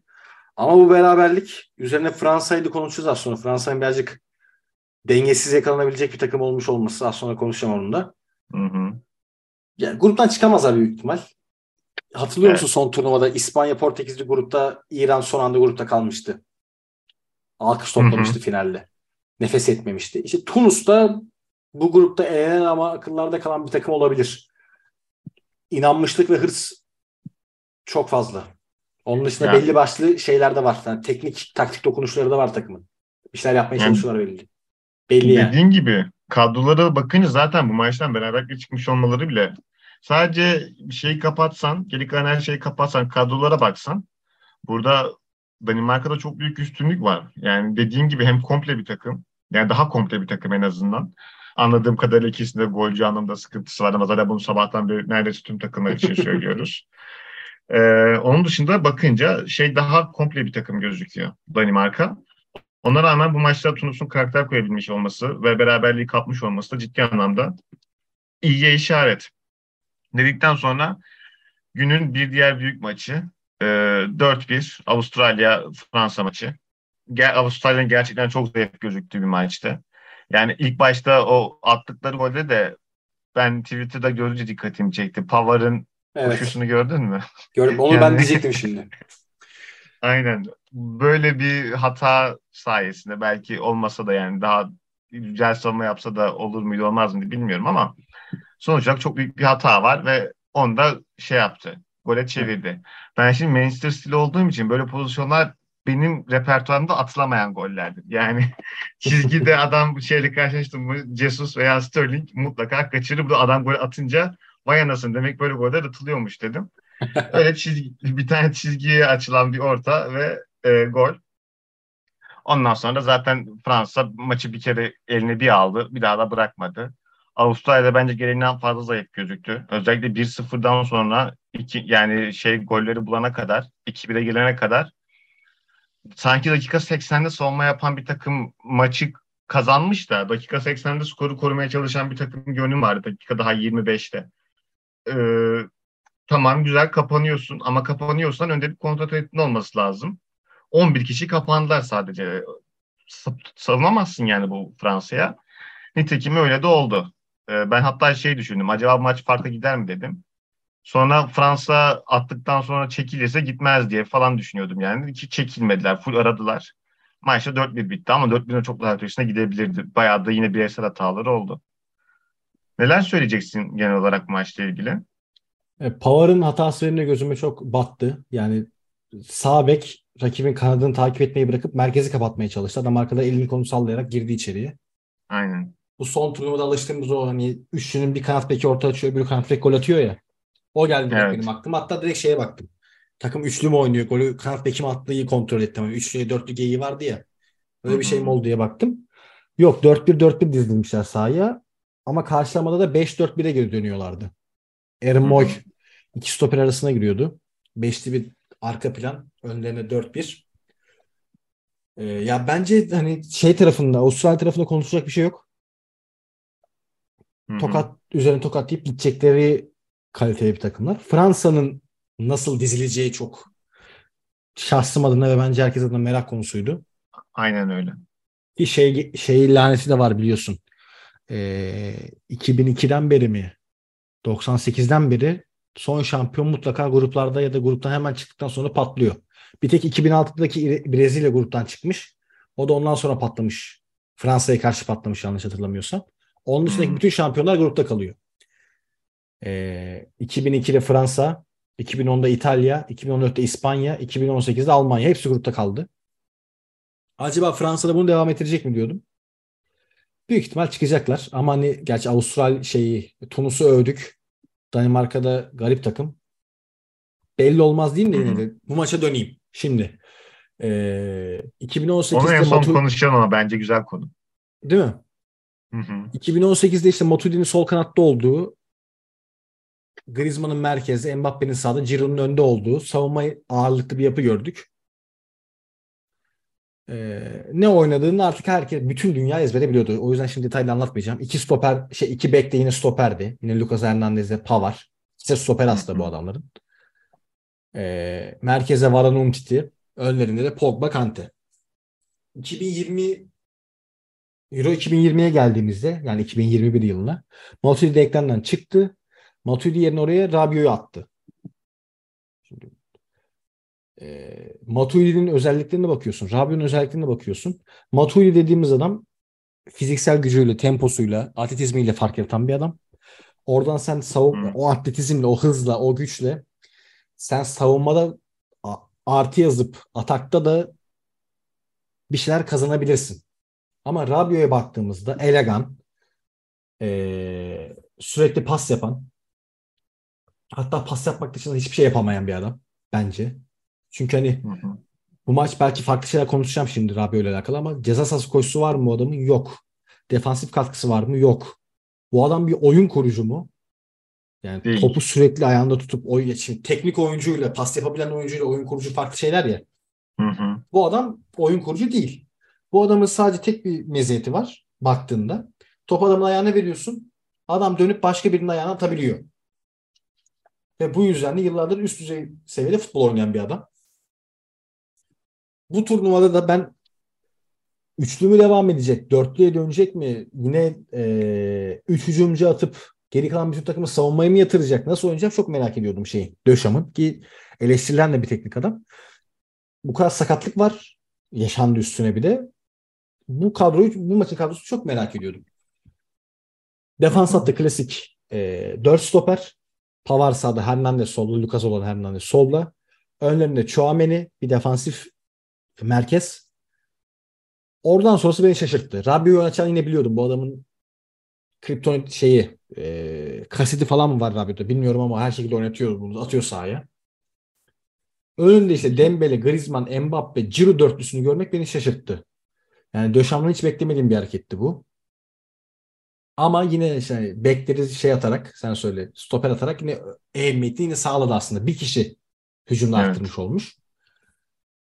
İlk başta şey düşündüm hani Avustralya'nın güçsüzlüğünden yararlanmak için böyle bir şey yaptı diye. Ta ki şeye kadar. Dakika 13'e kadar. Lucas sakatlandı yerine Theo geçti. Hatta golle sakatlandı Lucas da hatta. Yani yedikleri golle Lucas evet. sakatlandı. Theo da Lucas'ın tam tersi. Lucas stoper ve defansif güçlü bek oynadığı, bek oynadığı zaman defansif ehemmiyeti olan bir oyuncuyken Theo da tren gibi sürekli koşan, defansla hiçbir alakası olmayan bir adam. Rabiot da maç içinde acayip destek verdi ön alana. Yani orta saha gibi değil de Griezmann'ın yanında ikinci bir on numara gibi oynadı. Şimdi hı. soldan bindiriyor. Mbappe soldan içeriye sağ atıyor kendini. Dembele sol çizgide oyunu genişletiyor. Griezmann Dembele ile Ciro arasında. Rabiot da Mbappe'ye doğru yanaşıyor. Ya bir altılı ön alan vardı. Bazen tam Evet. altılı diziliyorlar.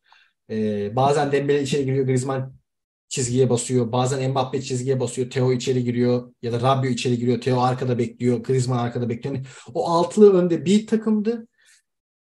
Chouameni, Pavard, Upamecano, Konate dörtlüsü başka bir takımdı. Zaten bu dörtlüye çok bir iş düşmedi. Bir de şeyin eee, Jackson Irvin, bıyıklı abimizin direkten dönen bir topu var.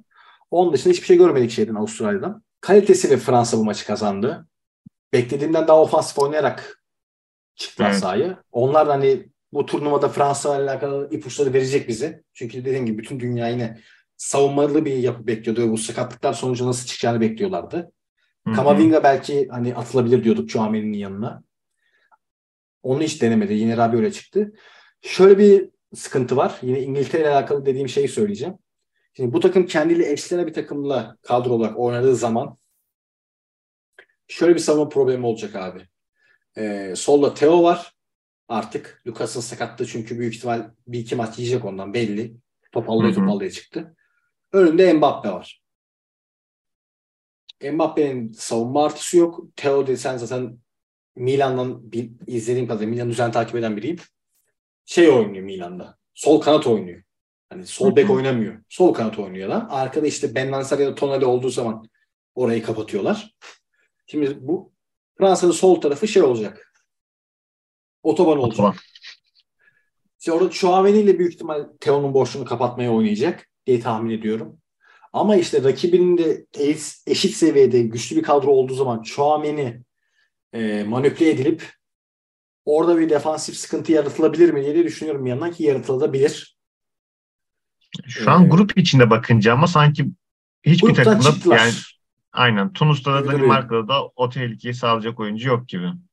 Ya Tunus maçı alabilmesi için şey olması lazım. Hani inanılmaz epik olayların olduğu bir Dünya Kupası efsanesi izlememiz lazım bizim o maçta. Tunus Evet. hırslı bir takım dedim ama belli olmuyor abi kimin yapacağı. Bugün de Arabistan'dan böyle bir şey beklemiyorduk. Yapar ya da yapamaz diyemiyorum o yüzden. Hı hı. Ama gruptan çıktığı takdirde Fransa'nın iki yani Fransa birinci yazarsak, İngiltere de birinci yazarsak bunlar çeyrek finalde eşleşiyorlar. Elenmedikleri sürece. O maç işte abi çok garip bir maç olacak bence. İnanılmaz garip bir maç izletecekler bize. İki takım da Evet. kimlik değiştiriyor. Savunmaya ağırlık verip e, güzel oyun oynamadıkları için eleştiren takımlardı. Bakalım ne olacak merak ediyorum o eşleşmeden. Hı hı. Bence bu arada ikisi de yine bu Dünya Kupası'ndaki en komple zaten İngiltere için demiştik. Bence Fransa'da da o var. Yine kendi içinde eksikleri var evet ama bakınca yine kimin nerede olduğu, her pozisyonu dolduran nadir takımlardan bir tanesi yine Fransa. Bence bu ikisi yine bu açıdan da ayrışıyorlar diğer takımlardan. Yani orta saha merkezi patlarsa patlar bu takımında. Pogba Kante çünkü bu takımın 10 yıllık kimliğini belirleyen o iki oyuncu diyebileceğimiz adamlar. Evet. Ama yine de ya bence şey diğer takımlara bakınca Evet, evet. ortalamanın bayağı üstündeler. Brezilya belki işte soru işareti vurabilir. İspanya'da oyunuyla Evet. buraya yani girebilecek takımlar. Ama yani 3 takım var kadro olarak mükemmel diyeceğimiz. Brezilya, İngiltere, Fransa. Bu belli yani. Hı hı, aynen. Bu gruptan çıkma meselesine değinmiştin. Ama ha dediğin gibi az önce gruptan çıkacaklarını yani Tunus belki bir sürpriz yapar dedin ama onun dışında gruptan Çok çıkacaklarını öngörüyoruz. Yani şimdi Evet. normalde herkes şey der ya %100 Fransa ihtimali koyar. E, Ben %5 Tunus koyuyorum. %100'e yani %95'e Hmm. %5 koyuyorum ki yani Danimarka'nın da grup lideri olması lazım bir yandan. Fransa'yı yenmesi lazım. Şunu söyleyeceğim. Ya bu bu Fransa'da maça bakınca da ya dört tane gol attılar ama kaçırdıkların da hatta hesabı yoktu. Yani hele Mbappe Mbappe işte Paris Saint-Germain'de tarihin en büyük kontratları falan imzaladı bir şeyler yaptı. İzlediğimiz oyundaki Mbappe gol atamayan sürekli bire bire girişen ama şey yani Sterling'den bir farkı yoktu. Yok Ee, abi. ben- tamamen kazma kanat oyuncusuydu. Böyle devam ederse o giriyor bir şekilde ulaşmaları lazım. Ama Mbappe çok e, şey yapamıyor. Bekleneni veremiyor. Yani e, buldukları pozisyonları yeterince gole çeviremiyorlar. Avustralya çok zayıf olduğu için bugün dörtü bulmuş da olabilirler gibi Evet. geliyor. Ya Giroud öyle ya da böyle büyük şans. Giroud çok özel bir Evet. forvet bence. Aynen öyle. Ee, ama Mbappe de harbiden büyük bir eşek. Yani onu da çok net söyleye, söyleyebiliyorum yani gönül rahatlığıyla. Evet. O kadar hızlı atletik olmasından ötürü bu kadar fark yaratıyor. Ee. Çok pozisyona giriyor o hızlı attığı yüzünden ama şeyi çıkartsa biri hani bu yüzde yüzlük pozisyon paramı koysa bir şey bir duruma ve Mbappe'nin bunun üzerinden başarı yüzdesini çıkarsa bence çok eksi çıkacak bir yüzde. Ya Griezmann önüne çok yumuşak ayak dışıyla bir top bıraktı. Kafa vursa gol, göğüs vursa gol, ayağıyla düzgün vursa gol, topu tribünlere dikti ya. ya stat dışına doğru dikti. Evet, Ya evet, teknik- evet. O pozisyonu, değil mi? Şimdi hatırladım sen deyince. Çok saçma bir şey ya. Ya teknik olarak bu kadar defosu olan bir oyuncunun dünyanın en iyi iki oyuncusundan birisi olamaz abi bence ya. Ben en başından beri Kesinlikle halkçıydım. katılıyorum. Çok Kesinlikle. defosu var teknik olarak. Yani bu adamı dar alana attığın anda gösterdiği performansa çıkamaz bence. Hı hı. Ve bugün yani şöyle düşün abi Avustralya bu adama kafa golü attırdı. Yani, yani o ne kadar zayıf olduğunu Avustralya'nın gösteren başka bir şey bu da. İki tane Avust- stoper, üç tane stoperin arasında, savunmacının arasında kafa golü attı bu adam bugün Evet. ve yok yani asla olmaması gereken bir şey. A- a- aynısını şeyde e, İran-İngiltere maçında Sterling yaptı. Geçişte Kane orta açtı.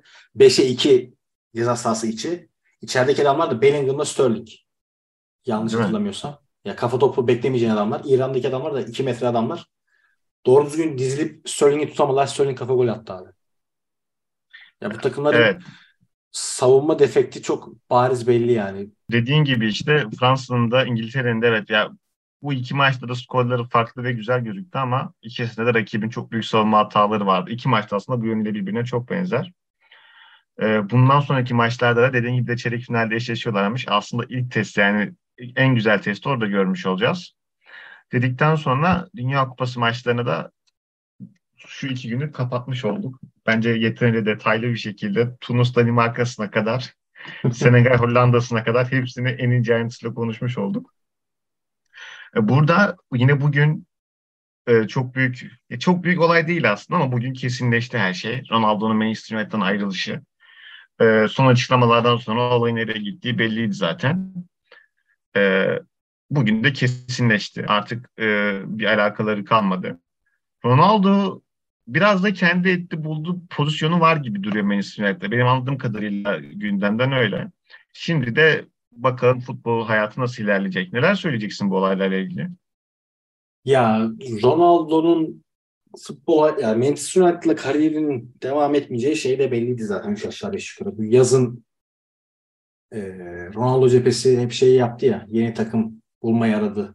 15 takımla görüştüler falan filan. O tarz haberler çıkıyordu her gün. Yok Barcelona reddetti, Bayern Münih hı. reddetti haberleri. Yarısı geyik de olabilir, gerçek de olabilir. Çok detaylı bir şey demek istemiyorum onunla alakalı. Ee, şeyi söyleyeyim. O gün Ronaldo ve United yolculuğunun sonuna yaklaştığımızı, ayrılık yolunda gerildiğini bize göstermişti. Hı hı. Ronaldo'nun bu son yaptığı röportajdaki kayıt tuşuna bastığı anda aslında United'la ilişkisi bittiği resmi oldu. Yani o açıklamadan sonra bir oyuncunun o takımda devam etme ihtimali yok. O takım o oyuncuyu kadro dışı bakıp maaş yatırmaktansa direkt parayı komple ödeyip kapının önüne koymayı tercih ederdi yani. Hı hı. Ronaldo bunu bile bile yaptı o işi. İpler koptu. Ee, şahsi görüşüm Ronaldo bence Real'den ayrıldığı andan itibaren Juventus kariyerinde kendi hataları olmadan ya da asıl hataların kendisinde olmadığı durumlarda kendi mirasına zarar vermeye başladı. O Şampiyonlar Ligi'ndeki 5 yıla 4 şampiyonluk üzerinden çok büyük bir winner kimliği ortaya koymuş diye bu adam. Hı, bir Euro evet. 2016 şampiyonluğu da var. O kimliğin üzerine işte Liverpool'la şey Juventus'la Porto'ya, Lyon'a ve Ajax'a elendi.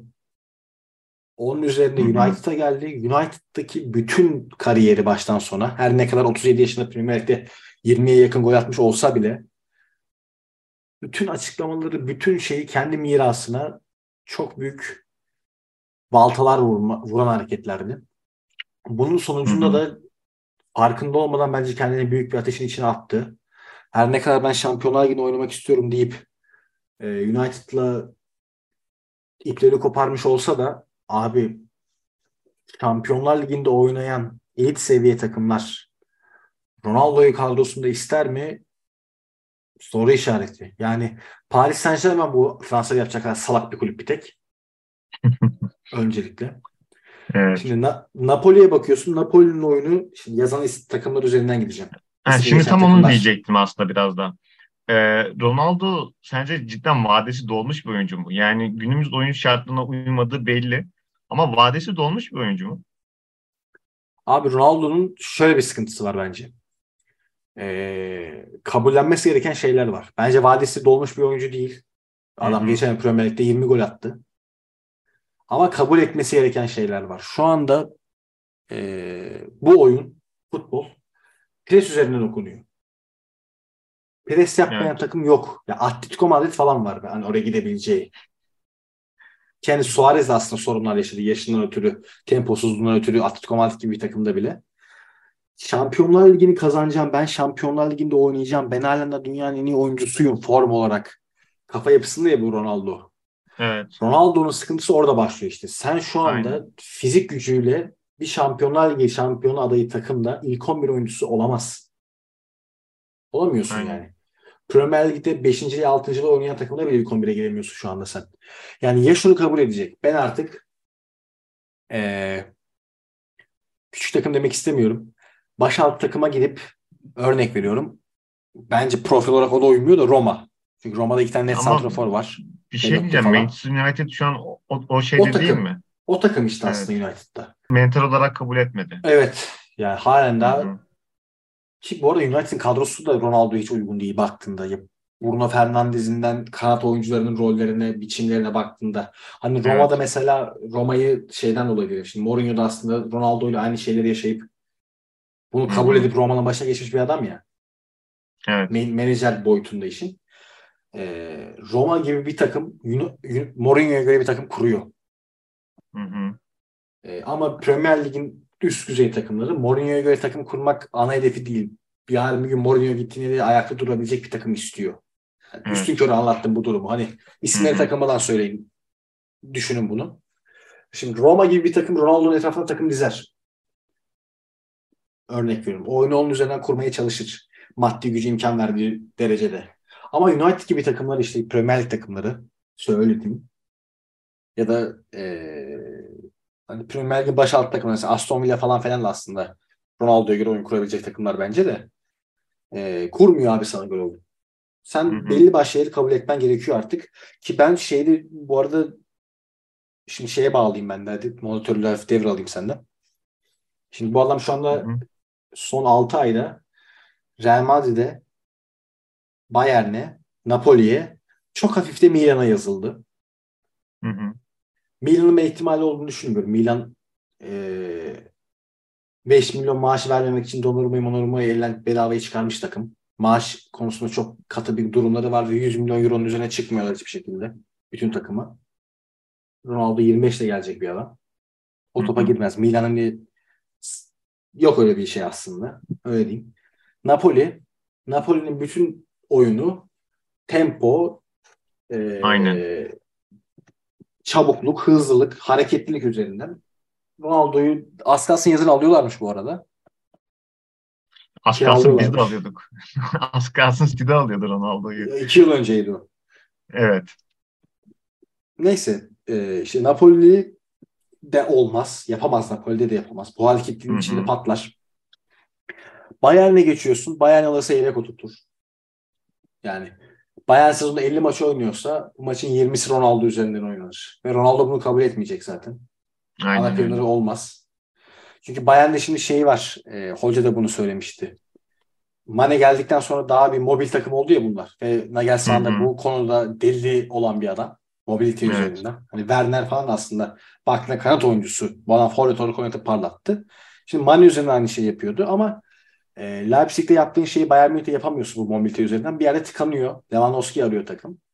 İşte hani o tıkandığı yerlerde Ronaldo'yu kullanacak kafası var gibi geliyor bana Bayern'de. Real Madrid'de Benzema'nın sakatlığı üzerinden 6 aylık bir sözleşme iddiaları var. Hmm. Yani Ronaldo Hı hı. hani medyayı da kullanarak şimdi medyayı kullanarak kastettiğim hani bir kalpazanlık yapıyor değil. Oyuncular bu tarz imajları, imaj haklarını, imaj e, durumlarını gözeterek medyayla ilişki yürütüyorlar. Hani medyayı tabii ki. hazırlayıp işte son dans, kral evine son bir şarkı için geri geliyor. Hani her birinin Arsenal'e gelip Leeds attığı gol var ya Hı meşhur. hı. Hani onun bir hazır takım son sezonda Real Madrid şey Şampiyonlar Ligi'ni kazandı. Bu Evet. yılda belki çıkartabilirim ben kafasıyla Real Madrid döneceğini, dönmeyi kabul edeceğini düşünüyorum. Hı hı. 6 aylık olsa bile bak hani bu aslında Real Madrid ayrılma sebebi bu adamın. Uzun sözleşme vermiyorlar lafı. Ama son oradan ayrıldıktan sonra yaşadıkları bence egosunu ciddi törpülemiş olabilir Ronaldo'nun o açıdan. Kabul edebilir 6 aylığı. Evet. Ama abi öbür tarafta Fiorentino Perez gibi bir manyak var. Gözünün yaşına bakmadan gönderiyor. Ki bunu hani Ronaldo'yu da yapmıştı. Ronaldo üzerine de okumamak lazım. Ramos'a yaptı bu kulübün Hı hı. bayraklarından biri. Ee, yerli olması tırnak içine söylüyorum. Yani Ronaldo da Real Madrid bayraklarından biriydi ama yerli olması işi başka bir boyuta taşıyor bence. Evet. Casillas öyleydi. Raul Aynen. öyleydi. Zidane'lar, Figo'lar bu takım Barcelona gibi değil mesela. En büyük fark o. Hiç affetmiyor abi. Gözünün yaşına bakmıyor. Gönderiyor ve yerine de şey almıyor hani. Hazard mazart nadir örnekler. Hazard'dan şey Kurtuğa. Belli bir yaşın üstünde belli bir olgunluğun üzerine transferler. Bak transferler hep en babası 23 yaşında adam oluyor. Ya. Hı hı. Gence Evet. gidiyor yani her şekilde ve maksimum bir yıl, iki yıl, üç yıl Perez yönetiminden bahsediyorum. Ee, bu geçişi yaşayıp yine bak Vinicius 3 yıl boyunca bu Salah kim aldı, bu videonu kim aldı kafasıyla bakıyorduk. Adam bir anda Ancelotti'nin altında, Doğru Hoca'nın altında yolunu buldu. Dünyanın en iyi oyuncularından birine evrildi. Geçişte Modric. Marcelo da aynı şekilde. Aynen. Geldiklerinde bu kadar şey oyuncular değiller. Adam dünyanın en iyi Modric orta sahası, balonu- en iyi sol beki oldu falan yani. Ya Modric yılın balonu seçildi abi. ya bu şakasız yani bu. Yılın en kötü transferi seçildi La Liga'da. 2014'te ilk geldiği yıl 19 numarasıyla hatırlıyorum ilk La Liga, şey. Barcelona maçına sonradan girmişti oyuna. Gözümün önüne geliyor. Forma bile geliyor. Neyse işte Ronaldo'nun yaşadıkları artık bunu kabul edecek dereceye getiriyor kendini ama daha 6 ay önce yaz aylarında 6 ay değil 5 ay önce 3 ay önce yazın Ronaldo haberi Real Madrid çıktığında Fiorentino Perez onun kaç yaşında olduğunu biliyor musunuz diye bir açıklama yaptı. Ve şu anda da el güç taraf Real Madrid. Her ne Hı kadar bu kulübün efsanesi de olsa Real Madrid ve şey Perez bana vaktinde ters yaptı. Sürünsün bu adam kafasına gelebilir. Ve ben ciddi anlamda Ronaldo'nun takımsız kalma ihtimalinin yüksek olduğunu düşünüyorum. Yani devre arası Ya olur da bir de- Portekiz turn olur da Portekiz turnuvayı kötü geçirirse bir Amerika Amerika şaşırtmaz Evet. yani. Evet. Bir de bir, bir taraftan bayağı bir nefret pompalanıyor. Yani bugün gördüm Company'ye Ronaldo'yu ister misin diyorlar. Burnley'de abi adam Championship'te oynuyor. Bizim koşabil, koşabilen oyunculara ihtiyacımız var diyor Company. Yani Burnley'in teknik direktörüsün abi sana Ronaldo'yu soruyorlar. Verdiğin cevap bu. Ve bu cevap absürt karşılanmıyor. Çünkü bütün medyanın şu an Ronaldo'ya karşı tutumu bu şekilde. Dediğin gibi e, o yüzden biraz da vadesi geçtim diye sordum ama halen daha aslında belli şeyleri çok iyi yapabilen bir oyuncu. Yani gerçekten o kadar da takımsız kalacak bir seviyede de değil. Ama bir taraftan da dediğin gibi işte e, hem kendisi mental olarak hazır değil hem de medya nefret pompalıyor kendisine karşı. Takımsız kalma senaryosunu açıkta bırakıyor bu. Evet, bu adamlar kabul edemiyor. Evet edemiyor. Ve bu hani Messi şey o olarak konuda şanslı mesela. PSG parayı verdi aldı ama Ronaldo'nun öyle bir şansı olmadı. e, yine Ronaldo'nun şansı bu arada Paris olacak büyük ihtimal. Paris yazılıyor yani. Mbappe gidecek, Ronaldo gelecek haberleri var. Ki bu arada Hmm. salak bir kafa var ya anlamıyorum. İşte Messi Ronaldo'yu ölmeden aynı takımda bir izleyelim falan. Bok gibi bir şey olur. Bak, bok gibi bir şey Ben- olur. Bence de çok saçma bu arada. Bunu diyen adamların IQ'sunu ciddi anlamda sorguluyorum yani. Ben böyle sivri konuşmayı çok severim bu arada. Burayı kesme Müjdat abi. Kalsın bu bölüm. Büyük bir gerizekalılık bu lafı demek.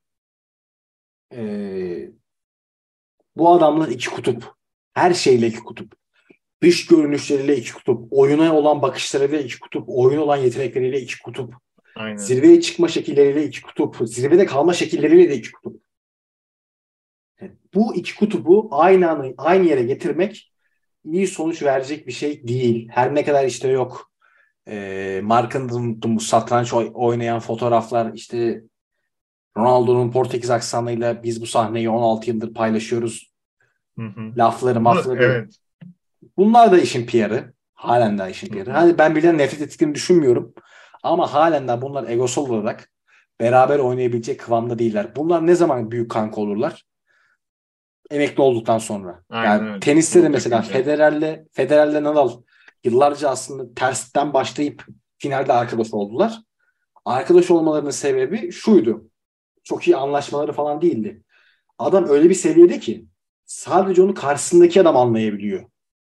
Ya bu adamın antrenman rutini, bu adamın mental olarak kendi içinde yaşadıkları, bu adamın eee, her haber gördüğünde, güçlü haberi gördüğünde artık Ronaldo artık Messi bitti haberi gördüğünde mental olarak ona ka- karşı eee, sergilediği refleks, sergilediği tutum, onunla başa etme biçimi bir daha o habere karşı performans sergileyip ben bitmedim mi gösterme tutumunu anlayabilecek tek adam Messi için Ronaldo, Ronaldo için de Messi.